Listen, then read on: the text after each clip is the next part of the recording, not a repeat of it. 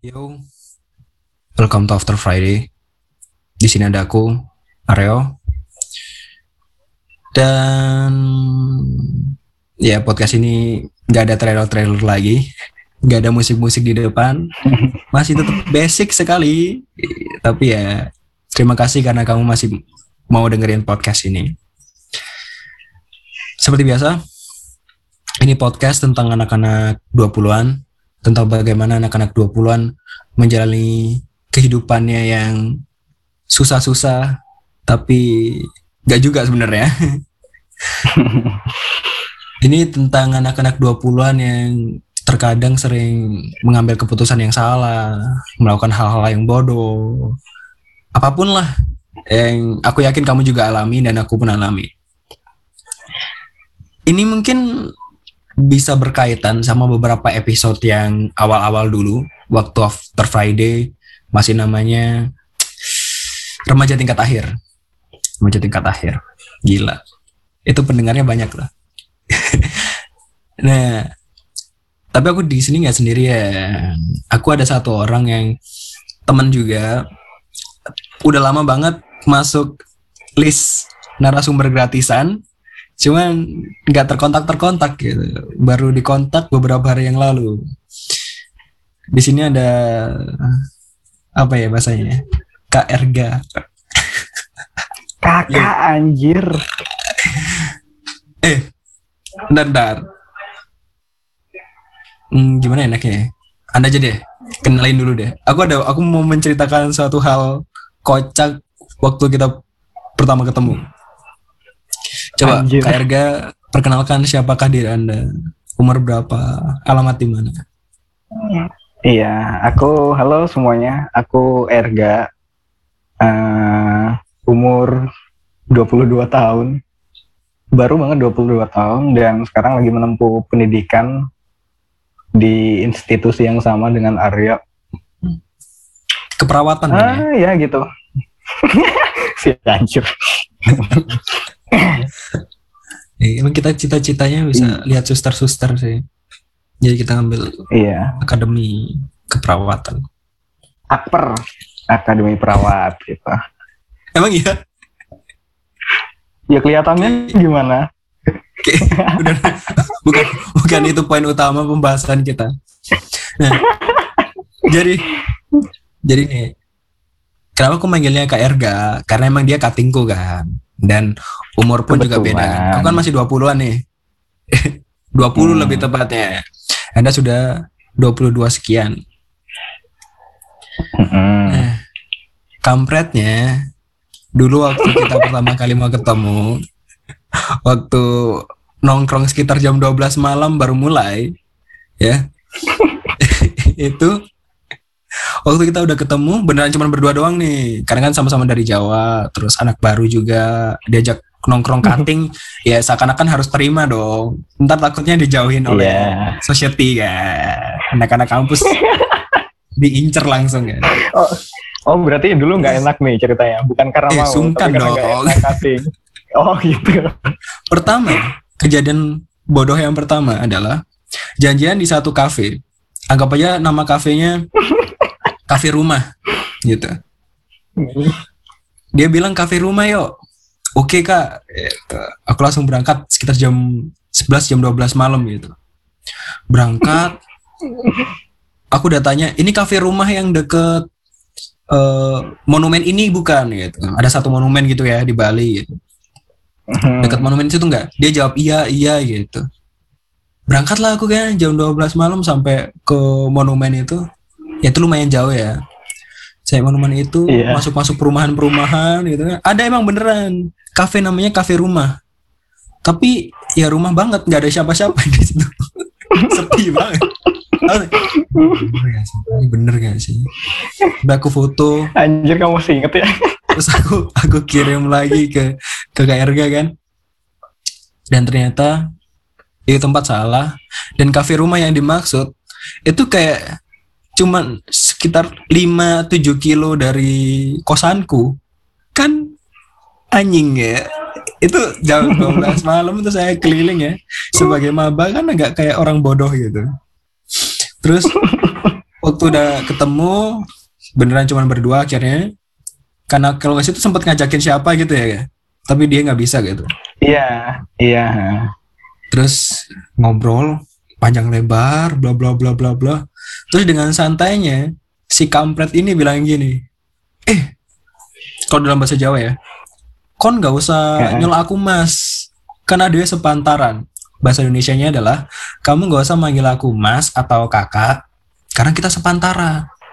Dan aku tanya dong doh mas memangnya anda kira umur saya berapa dengan santai Tua banget mukamu anjir. manusia kampret ini jawab umur saya 25 dong itu padahal, padahal umur saya masih 18 pada saat itu emang anjing tuh gak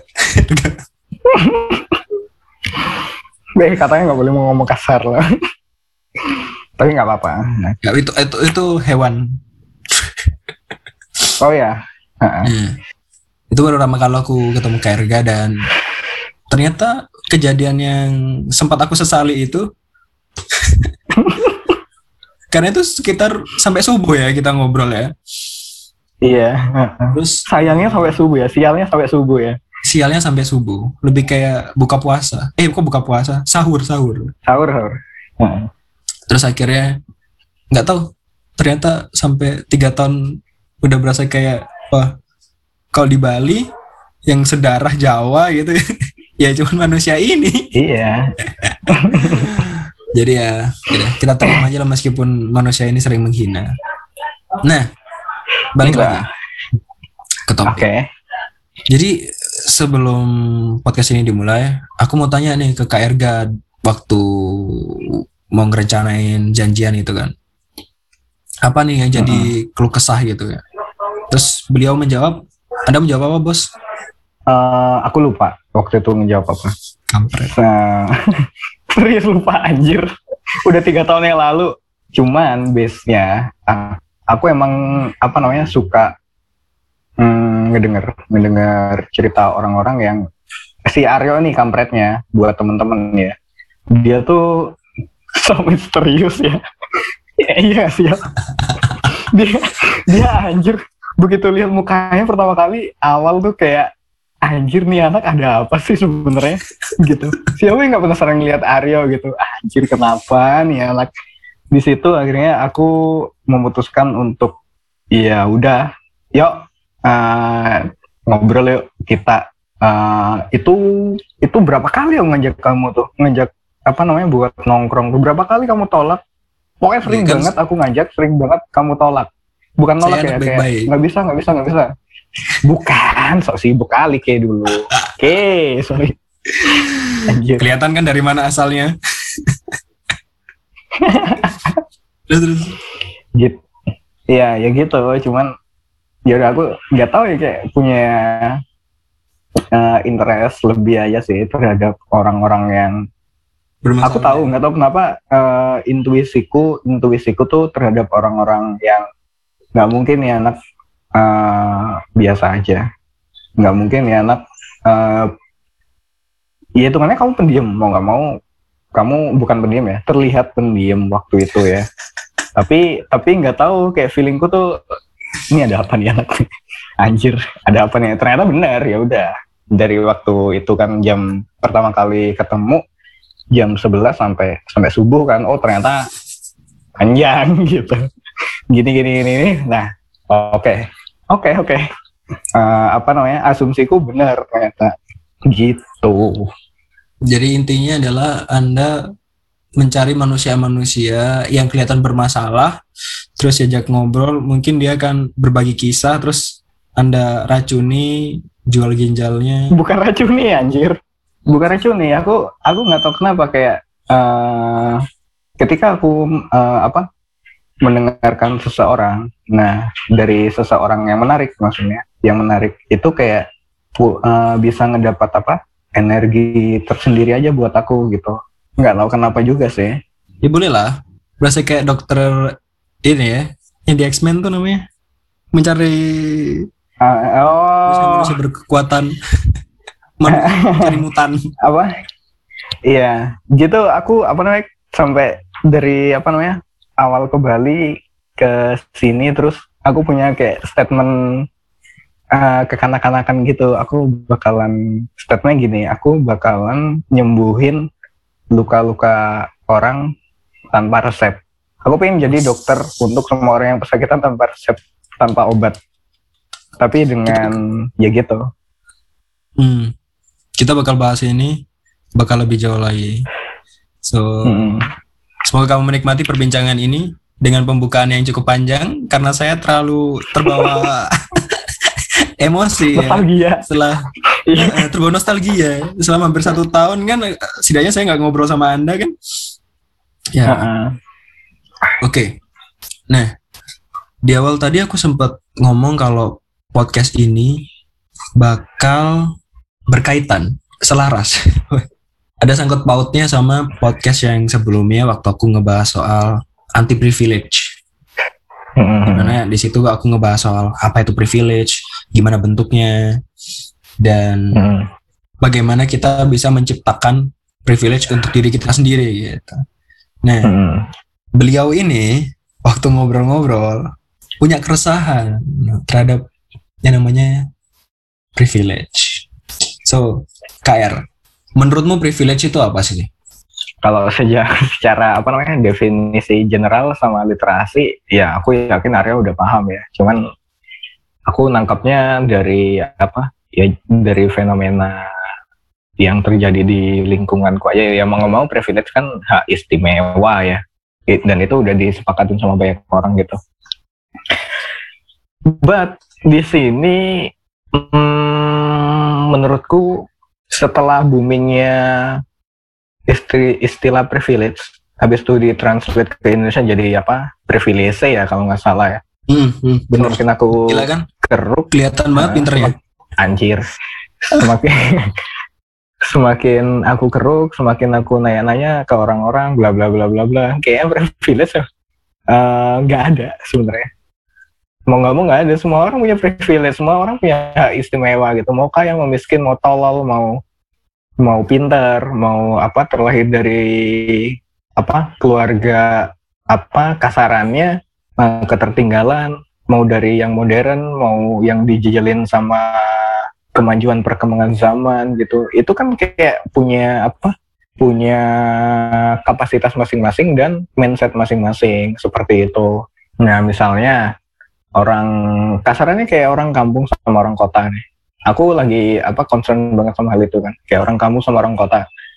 Gue seorang kampung itu nggak jauh-jauh banget. Gue seorang kota tuh tai banget. Kayak uh, oke. Okay. ya ya gitulah. Nah masalahnya di sini biasanya itu kayak salahnya ya. Salahnya aku bukan aku. Iya iya aku lah. Aku ataupun orang-orang kampung yang lainnya ngejadiin goals orang kota itu sebagai majornya, sebagai major goals gitu. Jadi di situ kayak salah kaprah banget. Cuman mau gak mau terkadang kondisi yang memaksa untuk ngebuat goals si orang kampung ini menjadi goalsnya orang kota. Mau gak mau itu terpaksa dan tanpa disadarin gitu. Entah itu dari lingkungan, entah itu dari dari dari apa?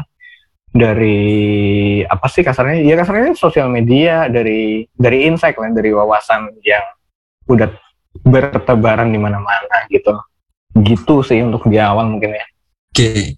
menarik sih tapi menurutku bagian yang di mana goal orang sorry ya tapi hmm. orang desa atau orang kampung itu jadinya sama kayak goal orang kota, kota. di mana benar-benar berbeda karena kayak lingkungan mereka berbeda pendapatan mereka jelas berbeda pekerjaannya juga hmm. pun kayak gitu jadi sebenarnya itu salah banget gitu karena nggak bisa seberapa nggak bisa. Ya nggak bisa. Itu menarik. Karena aku sempat ngomongin soal itu beberapa kali di mana kamu nggak bisa pakai standar orang lain untuk menilai bahwa kamu sukses atau tidak. Seperti itu kan ya? Mm. benar. Ya, ya, ya. benar nah tapi, pro oke okay, terus? Tapi menurutku yang yang ini menarik untuk diperdalam adalah KR tadi bilang kalau privilege berarti sebenarnya nggak ada karena semua orang-orang hmm. punya itu disadari atau enggak gitu kalau lebih spesifik lagi nih nggak adanya tuh kayak gimana maksudnya Arya udah pernah ngebahas ini ya Arya udah Hmm. pernah ngebahas ini di podcast sebelumnya kayak kita startnya beda otomatis goalsnya udah udah beda udah beda Wah, banget gila. Saya kasih anda love itu love nih. kan. si Anda anjir poin itu loh. Gila keren. Heeh. Ya mau nggak mau aku juga concern masalah ini dan aku kebetulan ngedengerin podcastmu juga. Oke oke oke oke. Aryo divalidasi oleh seorang Aryo gitu yang notabene. Ya Aryo kan literasinya cukup jauh ya risetnya cukup jauh gitu. Balik lagi ke tadi startnya beda. Terus goalsnya juga beda. Orang miskin dari 0 ke 50 orang kaya itu 50 dari eh 50 ke 100 nah sebenarnya sama-sama 50 poin untuk menuju goals itu. Sama-sama 50 poin loh. Di sini konteksnya sama-sama 50 poin. Cuman cuman kayak apa namanya eh formatnya aja yang beda. Terus jalannya jalannya aja yang beda. Tapi sama-sama 50 poin gitu. Sebenarnya mereka kita kita semua sama mau orang kota mau orang kampung gitu. Dan masalahnya masalahnya itu di seolah-olah eh, orang kota katanya orang urban ya bahasa yang, yang iya mungkin orang urban sama orang rural ya di situ kayak format eh, orang kota menuju menuju apa menuju 50 poin dari 50 menuju 100 tadi itu lebih lebih apa ya kasarannya lebih keren lebih berkualitas seolah-olah gitu ya sebenarnya sama aja Hmm. Hmm. hmm, Aryo nangkep kan poinnya gimana nangkap, nangkap, nangkap. Hmm, Aku paham itu sih. Jadi kayak sebagaimanapun kamu mencoba, meskipun kamu mengeluarkan effort yang sama pun, tapi kalau hmm, dilihatnya dari sudut pandang salah satu, ya yang lain akan dianggap nggak nggak apa ya, nggak layak, nggak sesuai sama standar gitu kan. Hmm, Dia sama-sama 50 persen, sama-sama 50 poin. hmm. Ya, dunia bekerja ya. Iya, mungkin problematika di sini itu disebabkan karena yang megang apa namanya, yang megang kuasa terhadap media, maksudnya nggak mungkin kan orang orang miskin, eh sorry, orang kampung nge-share kesehariannya di sosmed, orang kota itu ini ini apa namanya eh, subjektif banget ya dari penglihatanku aja dari media sosial gitu. Kayak yang lebih menarik kan cerita orang kaya ya, orang apa orang urban orang ya orang urban lah di situ eh, apa namanya orang kampung itu ngikutin standar orang urban kayak misalnya share foto insta kasarnya sekarang ada istilah instagramable terus Hmm. istilah traveling istilah ikutin ikutin apa oke ini agak agak anu juga sih agak aku concern juga masalah passion. Masalah passion menurutku ini di sini cuman buat romantisir passion tuh cuman buat orang kaya, bukan orang kaya, orang urban. Jadi di orang kampung tuh kayak oke, mindsetnya kebangun dari kasarannya makan gak makan hasil ngumpul, yang penting biasa makan, yang penting Hmm. bisa apa namanya? Yang penting uh, oke hidup hari ini ya hari ini besok urusan besok jadi kayak nggak jauh-jauh banget dan nggak terkesan menurut orang kota ya sudut Hmm. nggak tahu ini ini ini menurut perspektif pribadiku aja menurut orang kota anjir kayak ya yang pun gitu banget kayak nggak jauh banget gitu Eh, pemikiran yang kayak dang kasarnya dangkal ya. Masa Iya, hidup iya, kayak iya. sekedar sekedar hidup gitu. Yang mau Iya, cuman paham. ya gimana? Eh, orang orang kampung kan ya gimana? Ya nggak jauh-jauh banget gitu. Mereka mengkonsumsi orang mereka mengkonsumsi eh, apa kasarannya gaya hidup orang kota. Kayak proper banget kayak oke goalsku kayak orang ini ya Allah orang ini enak banget ya. Aku eh, harus bisa ngikutin orang ini. Kayak keren banget gitu di entah itu di sosmed atau atau media apa pun gitu. Terus di situ barulah belum banyak yang nyadar orang kampung kasarannya orang kampung itu kayak yang nyadar kalau dirinya nggak bisa seperti itu. Ya ngapain? Ke- terkadang kan kita kayak naruh goals itu tinggi banget. Tinggi banget. Soalnya kita udah tahu jalan cuman kita nggak tahu kita lagi di mana? Kita lagi di kondisi seperti apa? Kita bakalan nyampe nggak kalau naruh goal setinggi itu? Itu yang apa ya? Yang kayak jatuhnya malah ngecewain ter di di situ sih concernnya. Jatuhnya mungkin bahasa bahasa kasarnya uh, mau nggak mau manusia biasanya setelah aku uh, apa baca aku terjemahin juga di lingkunganku di lingkunganku ini. Aku kan hidup di apa kasarannya aku di hidup di kampung dan di lingkungan urban juga. Jadi kayak banyak banget sebenarnya fantasi fantasi kehidupan gitu. Kayak kayak apa?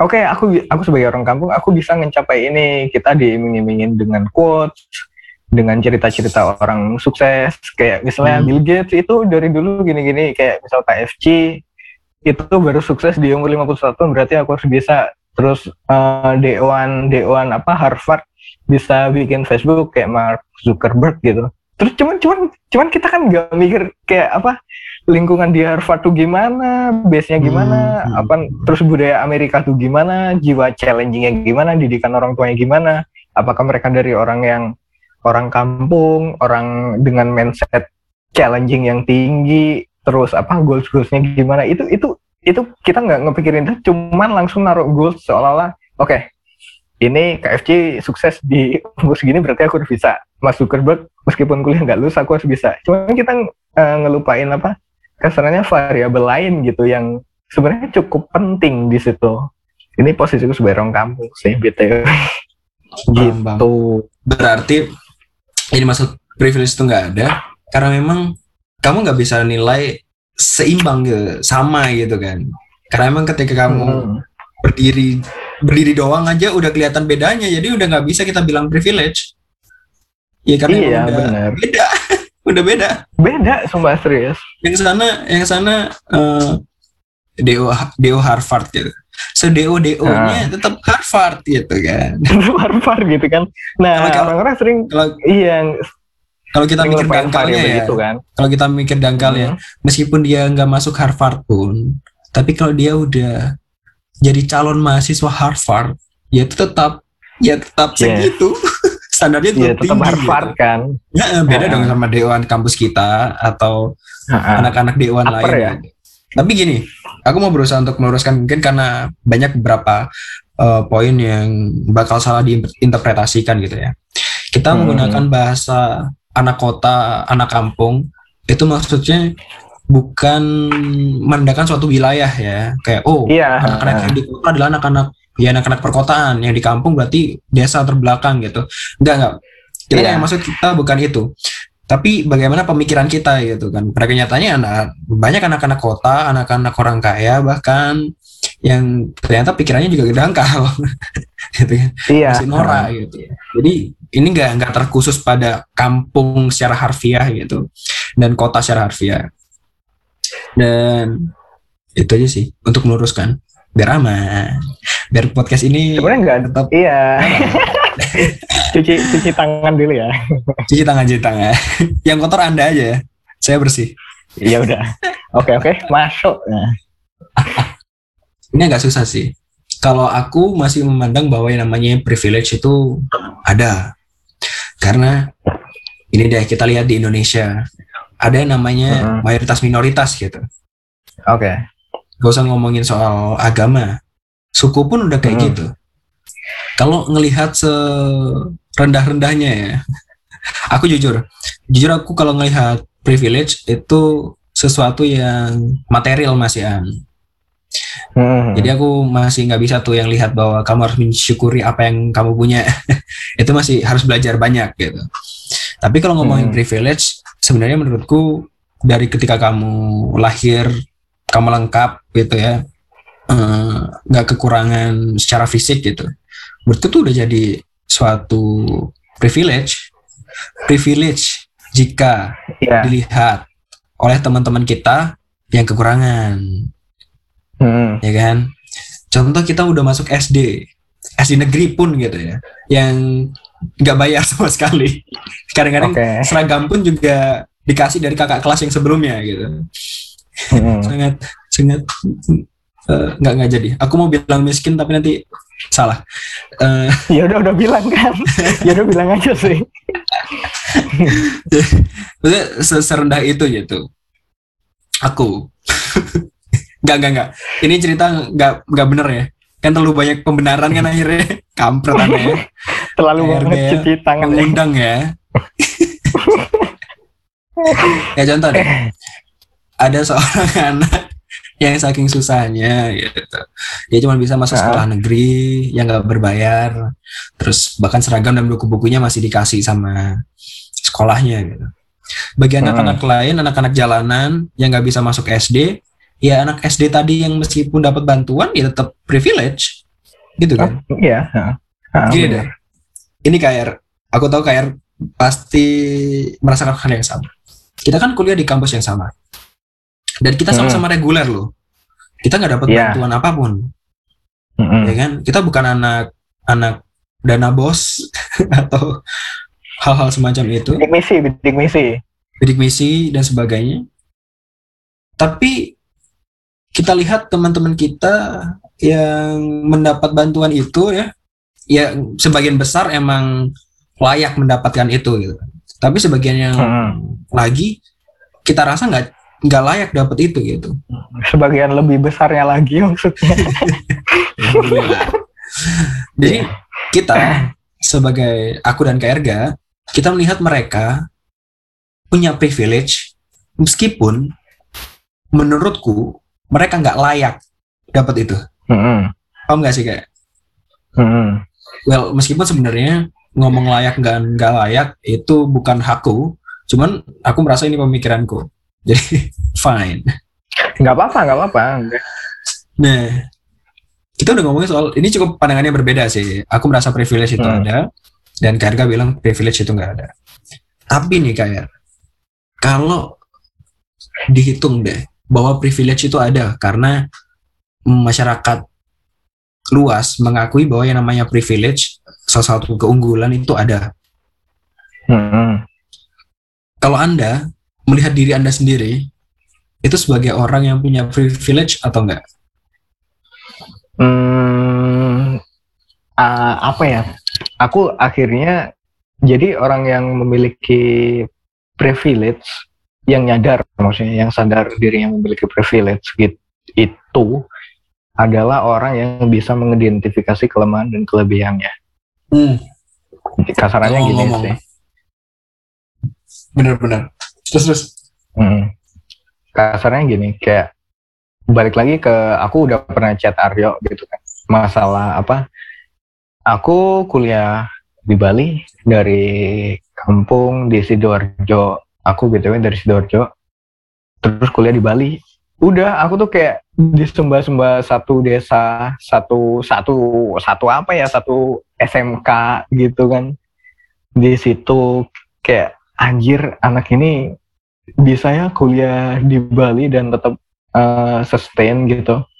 Nah di situ kan kayak privilegeku sebagai orang kampung kan kayak cuman butuh butuh butuh apa ya, butuh kuliah di Bali. Nggak nggak peduli aku aku kuliahnya gimana yang penting aku cukup cukup kuliah gitu. Aku ke Bali jebret dengan alasan kuliah. Ya udah aku aku disembah sebagai orang yang keren gitu. Itu menurutku privilegeku sebagai orang kampung gitu. Sedangkan orang kota kan butuh butuh way. Kamu masuk akper gitu misalnya. kamu masuk akper tuh belum tentu keren kamu masuk universitas eh apa namanya nggak favorit itu biasa aja di kalangan orang kaya. Kecuali kamu misal, masuk misalnya UGM ITB dengan jurusan favorit itu mungkin baru diperhitungkan. Sedangkan aku kan nggak usah.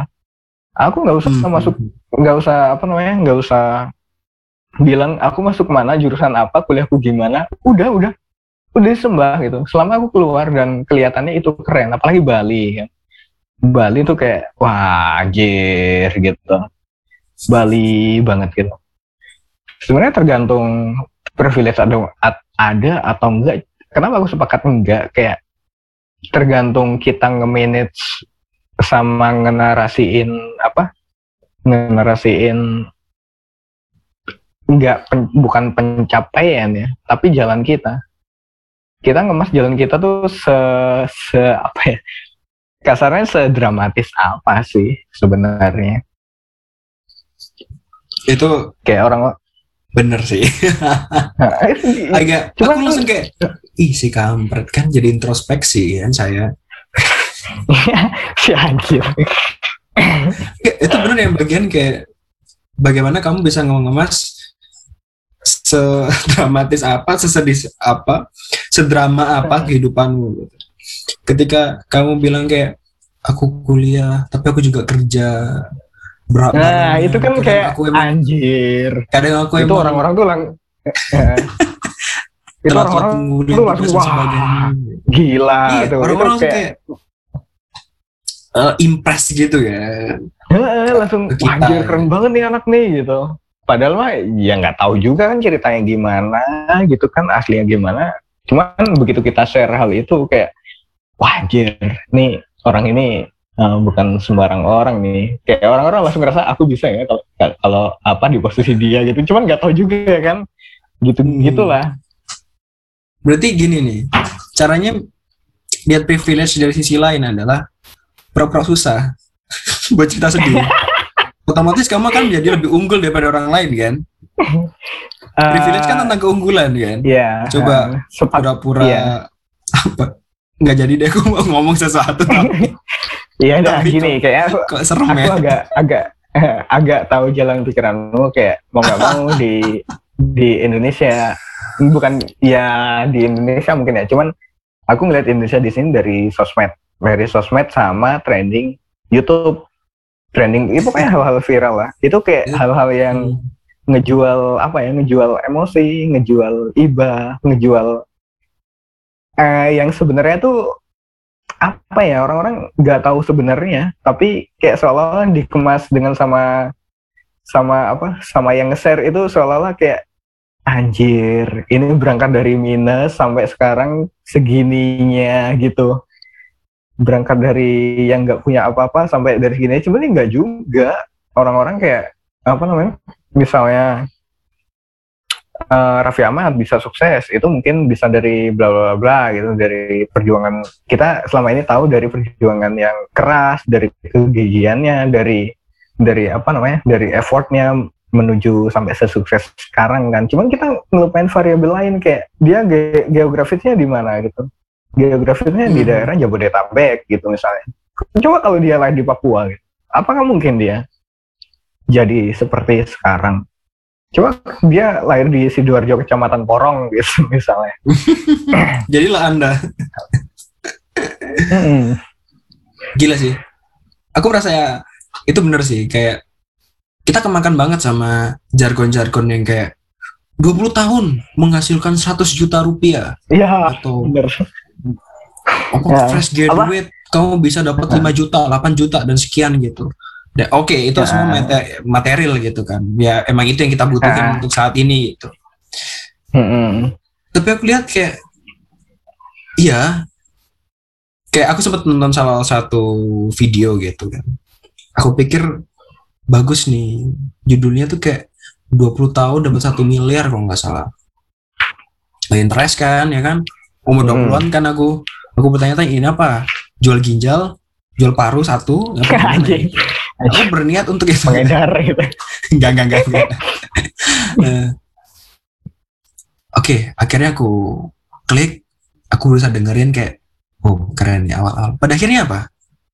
Oke dia ngelakuin trading, dia beli saham dan sebagainya. Tapi pada akhirnya ujungnya adalah dia dapat modal 100 juta dari bapaknya tanpa bunga. Nah, Bapak siapa yang mau kasih 100 juta? bapak dia lah, bukan bapak Aryo. satu miliar di umur 20 tahun gitu. Iya bagus sih. Tapi dari semua cerita-cerita itu yang bisa diambil ya cuman semangatnya, berani mencobanya, Nah, bukan cara bagaimananya kan sebenarnya. iya, Menurutku ya, ini kalau pandanganku karena ya ya bener tadi kata Kak Erga, kamu bisa terkenal ketika kamu ada di perkotaan, di pusat ya emang Hmm. pusat industri itu gitu. Tapi ketika kamu di daerah lain yang mungkin komoditi utamanya bukan itu gitu. Ya kamu nggak bisa jadi apa-apa. bisa sebenarnya sebenarnya bisa banget cuman effortnya kamu bakal lebih berdarah-darah lagi untuk men- menggapai itu kan effortnya jauh lebih misal tadi kan kasarnya orang kota cuma butuh 50 poin mungkin kamu butuh 500 poin gitu untuk menggapai apa goals dan ketercapaian goalsmu itu tadi Tapi benar juga. Tapi ketika kita datang dari satu daerah ya atau satu posisi anggap aja ya, satu posisi di mana Hmm. nggak pernah dipandang gitu ya. Terus tiba-tiba kita muncul menjadi seseorang yang apa ya? center gitu kan, icon gitu. Ya, itu jadi privilege juga sih. Cerita kita Iya. yang dramatis tadi kan. mau nggak mau Ya, ya. eh, hal-hal yang dramatis sama apa ya romantisir proses gitu ya romantisir proses tuh masih hal yang seksi di Indonesia gitu Hmm. Nih, ini sebenarnya menarik sih pembahasannya. Bisa jadi lebih panjang lagi. Cuman kan ya jangan durasi ya iya Ini pertanyaan. Aku mau bilang pertanyaan terakhir, tapi bisa jadi enggak. Jadi ya ikutin aja. Heeh. ngalir aja lah kita Nah, eh, menurutmu, kan kita ngomongin soal bagaimana emang privilege emang ada kan, secara luas nih. Hmm. terlepas dari pandangan kita pribadi gitu. Per- apa setuju atau enggak dengan konsep ini ya itu terserah masing-masing dari kita. Tapi Hmm. karena kenyataannya itu terjadi di dunia nyata. Hmm. Menurut Anda atau bisa nggak KR cerita konsep privilege terjadi dalam perjalanan Anda gitu? Paham nggak sih? Apa gitu membingungkan ya? Paham kan ya? Eh, Iya, aku, aku paham poinnya. Aku paham Hmm. poinnya kayak eh, dalam konteks ini sayangnya aku belum eh, apa ya, belum mencapai apa-apa. Nah, di situ kayak ketika aku berhasil nggak achieve suatu goals itu kalau aku ceritain itu bakalan lebih masuk lebih apa namanya lebih mengena di emosi mayoritas orang-orang karena aku berangkat dari dari kasarnya orang rural, orang kampung, Hmm. bukan dari orang kota. Nah, di situ kayak oke, privilegeku, aku ini yang menurutku pribadiku ya, aku simpulin, ya, ya kasarnya hipotesal. Aku sukses, aku keren karena sebagai berangkat dari orang kampung. Ketika aku nggak sukses, itu nggak apa-apa. Hmm. Tapi orang kota nggak sukses itu melupakan kesalahan. Tapi kesuksesan ketika berhasil dia capai itu merupakan hal biasa. Hal yang Karena dia wajar orang ya. kota. Iya, bener. Di situ privilegeku. Di situ konsep privilege bekerja menurut Anda. gitu. Mm-mm. 50 poin 0 dari dari 0 sampai 50 sama 50 poin dari 50 sampai 100 gitu. Aku ber- berada di posisi 0 sampai 50. Nah, ketika aku bisa dari 0 sampai 100, weh, bro, ya kau tahu lah kelanjutannya kan. Karena Hmm. kalau ini pandangan baru ya buat kamu yang merasa mencari-cari bagaimana privilege bekerja, mungkin yang yang diomongin ke Erga menurutku ada benernya juga sih. Itu mungkin bisa terjadi banyak banyak cerita orang gitu. Karena kalau dari sisiku ya sebasic kayak agamaku apa gitu kan, keyakinanku apa itu Hmm. cukup mempengaruhi. gitu. Terus Hmm. uh, rasku apa apalagi kita di satu wilayah yang emang ada mayoritas dan minoritas gitu aku mayoritas ya. aku di mana mana tetap jadi minoritas berarti ya Iya. nggak ngomongin suku nggak ngomongin keyakinan memang ya tapi di satu sisi Bahkan kamu di apa namanya? Di orientasi di orientasi goals di apa ya standar standar goalsmu standar kesus- kes- kesuksesanmu itu di mana pun kayaknya beda deh dari yang lain serius serius nggak tahu Gimana kenapa maksudnya? aku ngerasa gitu maksudnya ketika orang ngecapai ini udah sukses kamu belum ketika orang naro apa namanya naro achievementnya di sisi ini kamu udah ngelampauin nggak tahu ya ini asumsi pribadiku aja ya dan Jadi kayaknya kamu branding dirimu tentang seperti saya. Iya. atau iya ya? iya ceritanya gitu sih Saya kok merasa kayak Dari- di judge ya. iya aku judgmental orangnya btw Kalau kalau di perjalananku privilege itu kerjanya kayak gitu sih. Masih yes. Mungkin sebasic gitu atau mungkin aku melihatnya hanya sekedar itu gitu. Kayak jenjang Hmm. pendidikan kayak aku dulu sering banget di eh, tolak kerjaan atau dapat gaji lebih rendah karena dianggap aku belum lulus. Hmm. Oke ya sekedar itu terus eh, kelas ekonomi kelas ekonomi ini bukan berarti kayak aku anggap aja ya aku ekonomi rendah terus bergaul dengan ekonomi ke atas gitu terus aku jadi dikucilkan. Nah. Tapi justru sebaliknya. Nah. Ketika aku ada di ekonomi atas terus aku ingin atau aku butuh untuk bergaul dengan ekonomi bawah aku jadi orang yang tidak punya privilege gitu. Karena contohnya aduh, aku nggak pernah punya cerita berhutang nih. Aku nggak punya iya cerita harus benar banget. menggadaikan barang.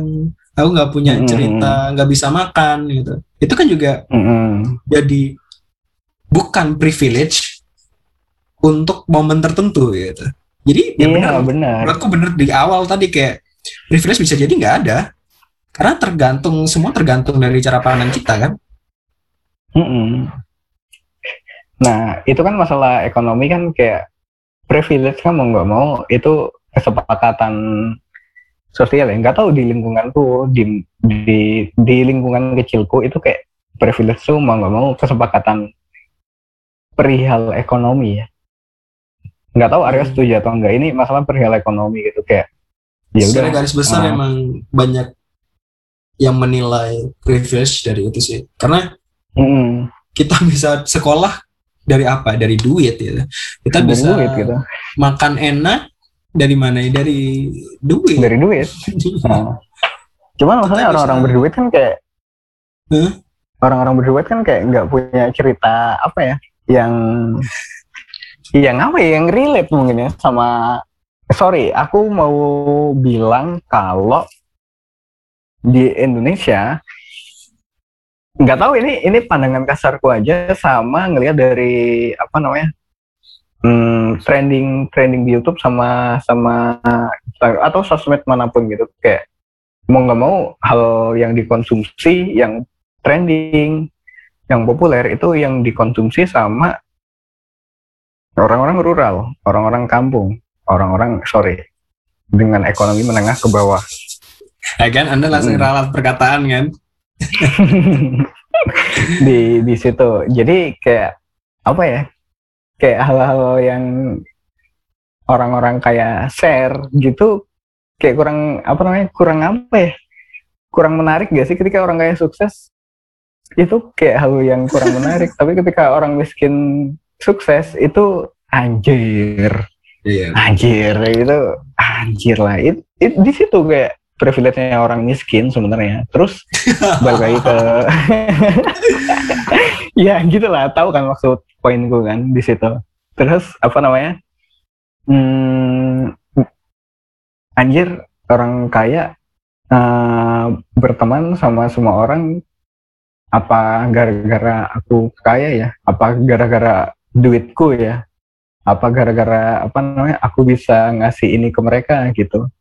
Cuman kalau orang miskin kan hmm, eh, sorry orang miskin. Ya udah orang miskin kan kayak ya udah begitu. Kayak hmm, ya udah aku miskin tapi kamu masih mau temenan sama aku? Oh berarti ini kayak kesejatian yang yang langka gitu. Bukan karena kebutuhan material gitu. Bukan karena orang kaya ngasih ini bisa ngasih ini bisa ngasih bisa nak bisa neraktir bisa beli ini. Ini gitu-gitu. Cuman kalau kalau orang miskin sama orang miskin kan kita bisa berbagi eh, kegelisahan.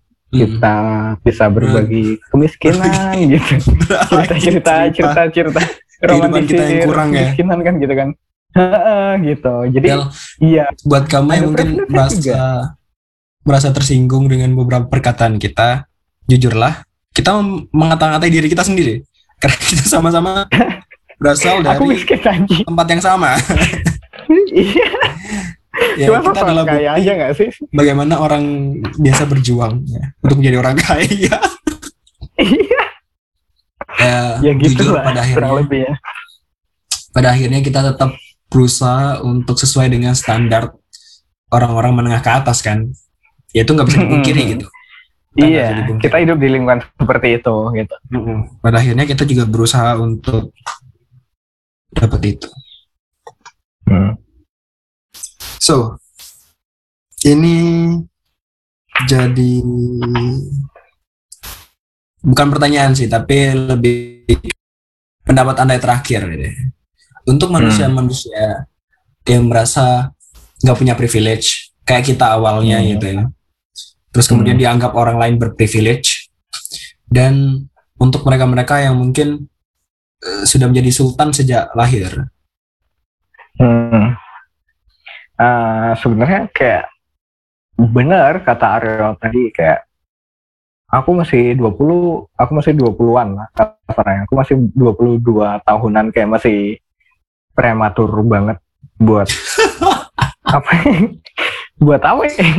buat kayak apa ke kesan dan pesan tuh kayak kesannya harus kalian tuh harus gini tahu itu kayak masih prematur banget gak sih yo? Iya, di iya, situ mm, cuman dari pandangan subjektifku buat orang-orang kampung buat orang-orang yang ngerasa nggak punya privilege kalian ada kalian ada sebenarnya. Bukan ada privilege tapi ada nilai. Ada nilai di situ. Begitu kalian mencapai kesuksesan. Begitu kalian mencapai kesuksesan itu hasilnya bakalan dicerap sama mostly audience. Audiens kalian itu bakal lebih apa ya lebih ngena. Lebih ngena secara batiniah dan emosional daripada orang-orang yang kaya ketika sukses.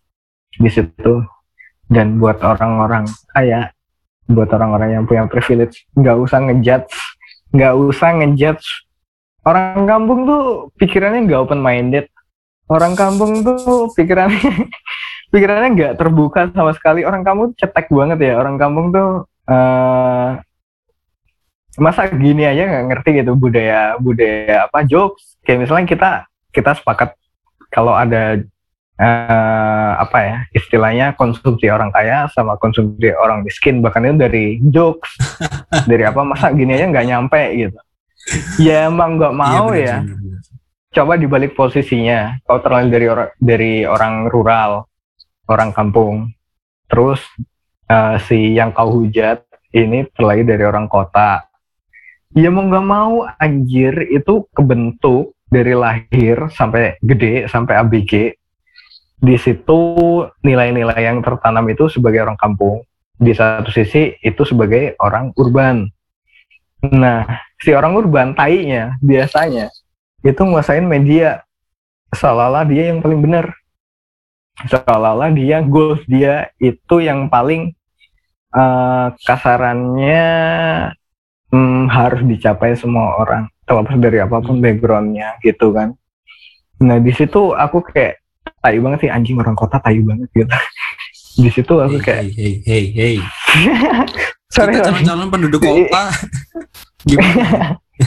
Yang iya mau nggak mau aku hidup di lingkungan kota cuman masih mengamini apa namanya eh, kehendak dan goals orang kampung gitu. Mau nggak mau itu harus dihargain karena sepenglihatanku mayoritas audiens audiens apa namanya? Iya bukan audiens mayoritas kasaranku gini Jakarta Jakarta itu gokil. Jakarta pusat industri pusat segalanya. Tapi nggak ngewakilin Indonesia.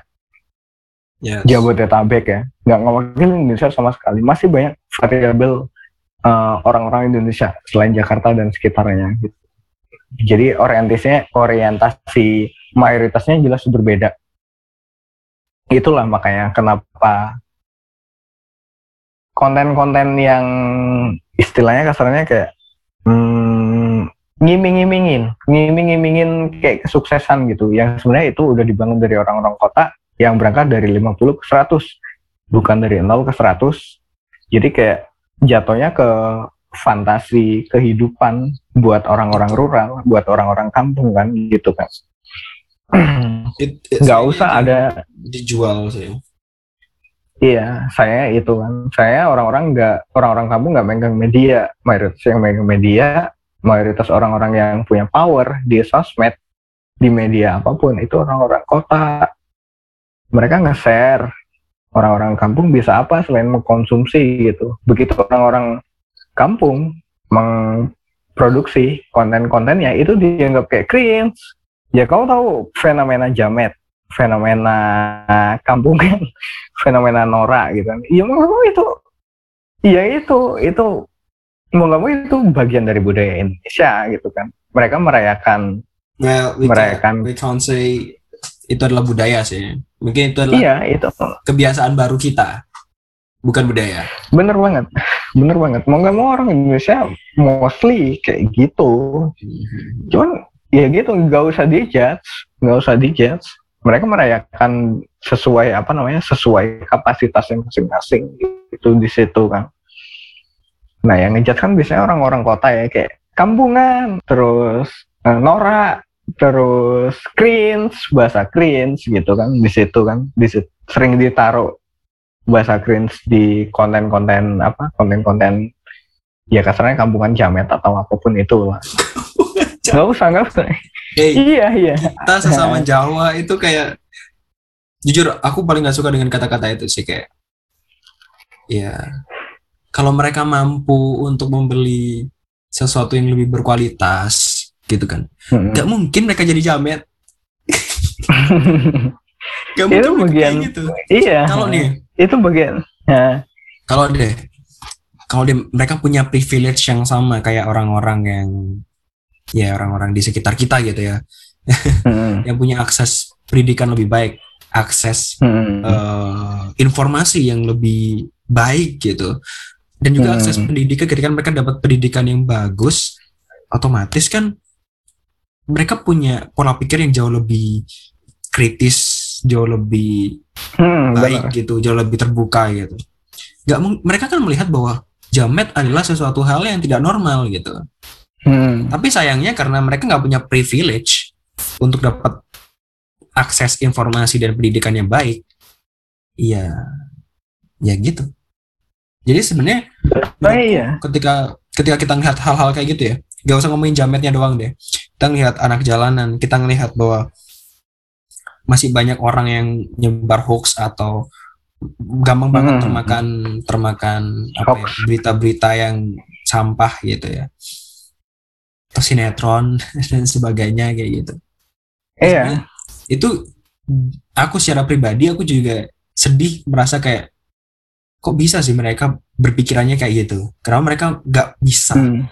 untuk untuk berpikir lebih cerdas lebih kritis lagi gitu tapi setelah tertarik lagi ya gimana ya mereka ekonomi menengah ke bawah akses Hmm. pendidikan ya seadanya selama itu gratis Hmm. nggak gratis ya udahlah ntar aja sekian ya Hmm. gimana Mau nuntut apa dari situ gitu kan? Jadi ya Dulu dulu gini sih yo. Aku kayak aku pernah sebagai remaja 20-an yang penuh dengan arogansi kan. Penuh dengan saya kira anda i- saya jadi pernah jadi jamet anjing. Ya sampai sekarang sih kalau jamet mah seumur hidup dari lahir sampai sekarang ya. Tapi Yes. masalah tadi kayak aku pernah apa mau nggak mau aku umur 20-an gitu kan. Kita sepakat akan sepakat atau enggak kita quarter life crisis gitu. Nah, nah di situ kayak aku punya idealis, punya apa namanya standar kesuksesan lingkungan sekitarku itu segini gitu. Bahkan terhadap keluargaku kan. Cuman itu terjadi di waktu aku umur 20 tahun berarti 20 tahun yang lalu ya kayak eh, oke ya gitulah ini kayak misalnya Oke, kita sepakat mostly pendengarmu ya, pendengarmu sepakat bahwa sinetron, sinetron atau sitkom-sitkom alay itu kayak konten sampah. Tapi mau nggak mau orang tuaku di kampung tetap mengkonsumsi itu setiap hari. Hmm.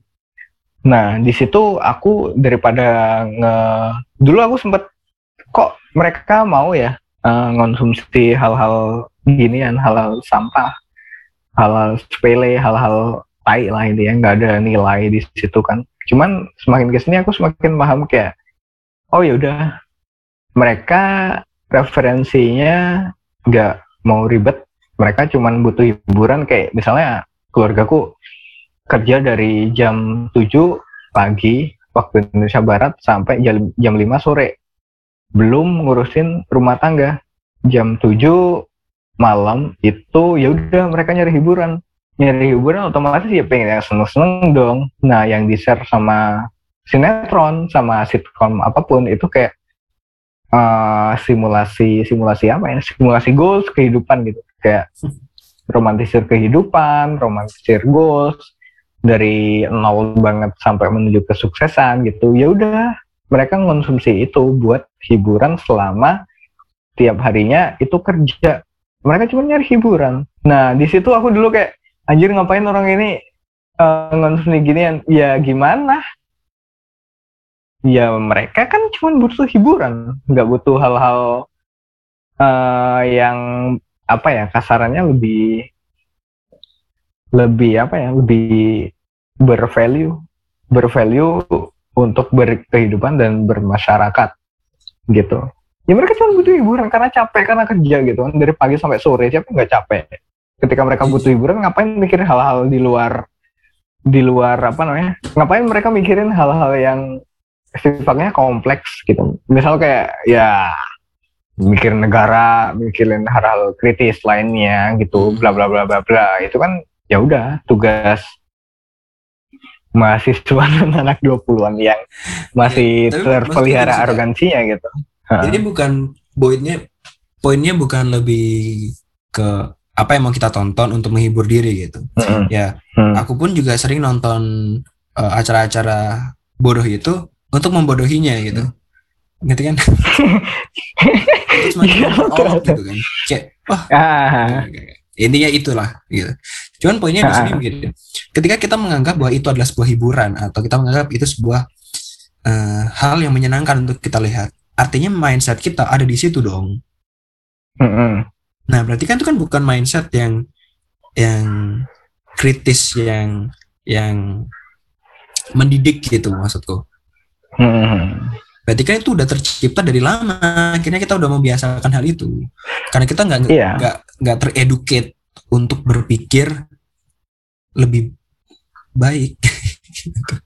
Ini ya mau ngomong sedih iya. banyak kayak gitu soalnya. Jadi eh, ya emang kita iya. akses kita nggak dapat privilege untuk itu semua. Akhirnya ya kita stuck di kehidupan yang kayak gini dengan standar yang seperti itu dan berterus-terusan kayak generasi selanjutnya juga kayak gitu. Kadang ngelihat kayak udah kamu kayak gini aja nggak apa-apa kok. Kayak gini aja nggak apa-apa kok. Udah nggak usah iya, lah kayak gitu. Ya. buat kamu yang dengerin podcast ini emang banyak poin yang mungkin lompat-lompat. Cuman aku harap bisa kamu ambil yang menurut kamu sesuai dengan apa ya komitmenmu sendiri gitu ya. Karena ya, semua orang ya relevan kali ya. Masing-masing gitu. Hmm. dan aku ingetin lagi kalau apa yang ada di podcast ini semuanya tentang pandangan kita sendiri personal dan berdasarkan hmm. pengalaman pribadi. Jadi jelas nggak bisa disamain dengan ceritamu uh, 100% gitu. Iya. Untuk ini bakalan apa mungkin kasarannya jadi jadi referensi aja sih. Jadi, jadi referensi, referensi uh, terlepas itu bertolak belakang atau kamu sepakat ya udah kalau ada yang tai ya udah buang aja gitu kan iya kalau ada bener. yang ini apa daging referensi. buang aja, eh, masukin aja ini referensi bukan pedoman jadi kalau cari pedoman, bukan pedoman. coba cari-cari web aja di Google ya privilege itu hmm. apa atau bagaimana privilege bekerja coba tuh, ada banyak tuh iya. ada Wallipop ada Kompas hmm. nah itu lebih kredibel. banyak banget iya sumber-sumber yang penuh kredibel banyak banget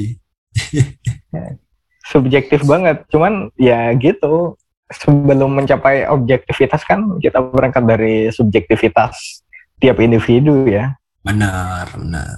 Nah, Dan ya, itu mungkin akhir dari podcast ini. Ya, anjir nggak kerasa ya sangat menyenangkan.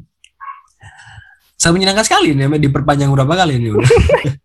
Jadi kalau aku mau rangkum nih, di sini ada dua pandangan yang berbeda antara privilege itu is real dan ada yang memang merasa bahwa privilege itu nggak ada karena emang Hmm. diciptakan berbeda, pandangan kita berbeda, situasi kita berbeda, Hmm. di mana kita nggak pernah bisa dinilai sama. Jadi itulah kenapa privilege sebagian dari kita menganggap bahwa itu hanya sebuah omong kosong. Dan mungkin buat sebagian ya bukan semuanya ya sebagian. Aku sudah bilang sebagian, Hmm. jadi masih aman. oke oke Jadi buat kamu yang merasa punya privilege, jadi stop merasa bahwa standarmu, standar orang-orang punya privilege itu harus dicapai oleh semua orang karena garis startnya aja udah beda gitu. Finishnya juga beda dong. Mm-mm. Tuh. So that's it. Thank you Kak Erga. Iya. Sama ini sih terakhir buat orang-orang Podcast kampung sama buat orang-orang miskin yang kebetulan sama-sama kayak aku yang sedang Orang-orang hidup dengan ekonomi di rendah, lingkungan ya. Iya, ekonomi rendah dan mindset kampungan. Kayak aku udah sebenarnya. Dan kebetulan lagi hidup di lingkungan urban, di lingkungan perkotaan. Kalian jangan minder. Kalian jangan minder serius. Kalian punya nilai lebih Ah, ketika mengachieve sesuatu. Itu bakalan menjadi nilai lebih daripada orang-orang kota, daripada orang-orang urban.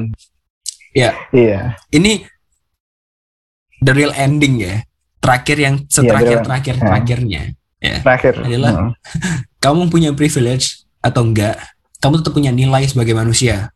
Benar. Kamu tetap punya benar ceritamu. Kamu tetap punya ya latar belakang yang ngedukung kamu, lingkungan yang ngebentuk kamu jadi kamu siapa sekarang. Jadi itu jauh lebih penting dari sekedar privilege yang orang-orang tahu. Hmm. gitu. Hmm. Itu aja sih. Benar banget. So that's it. See you on the next after Friday. Thank you, Ciao. Aryo. Adios. Thank you KR. Bye.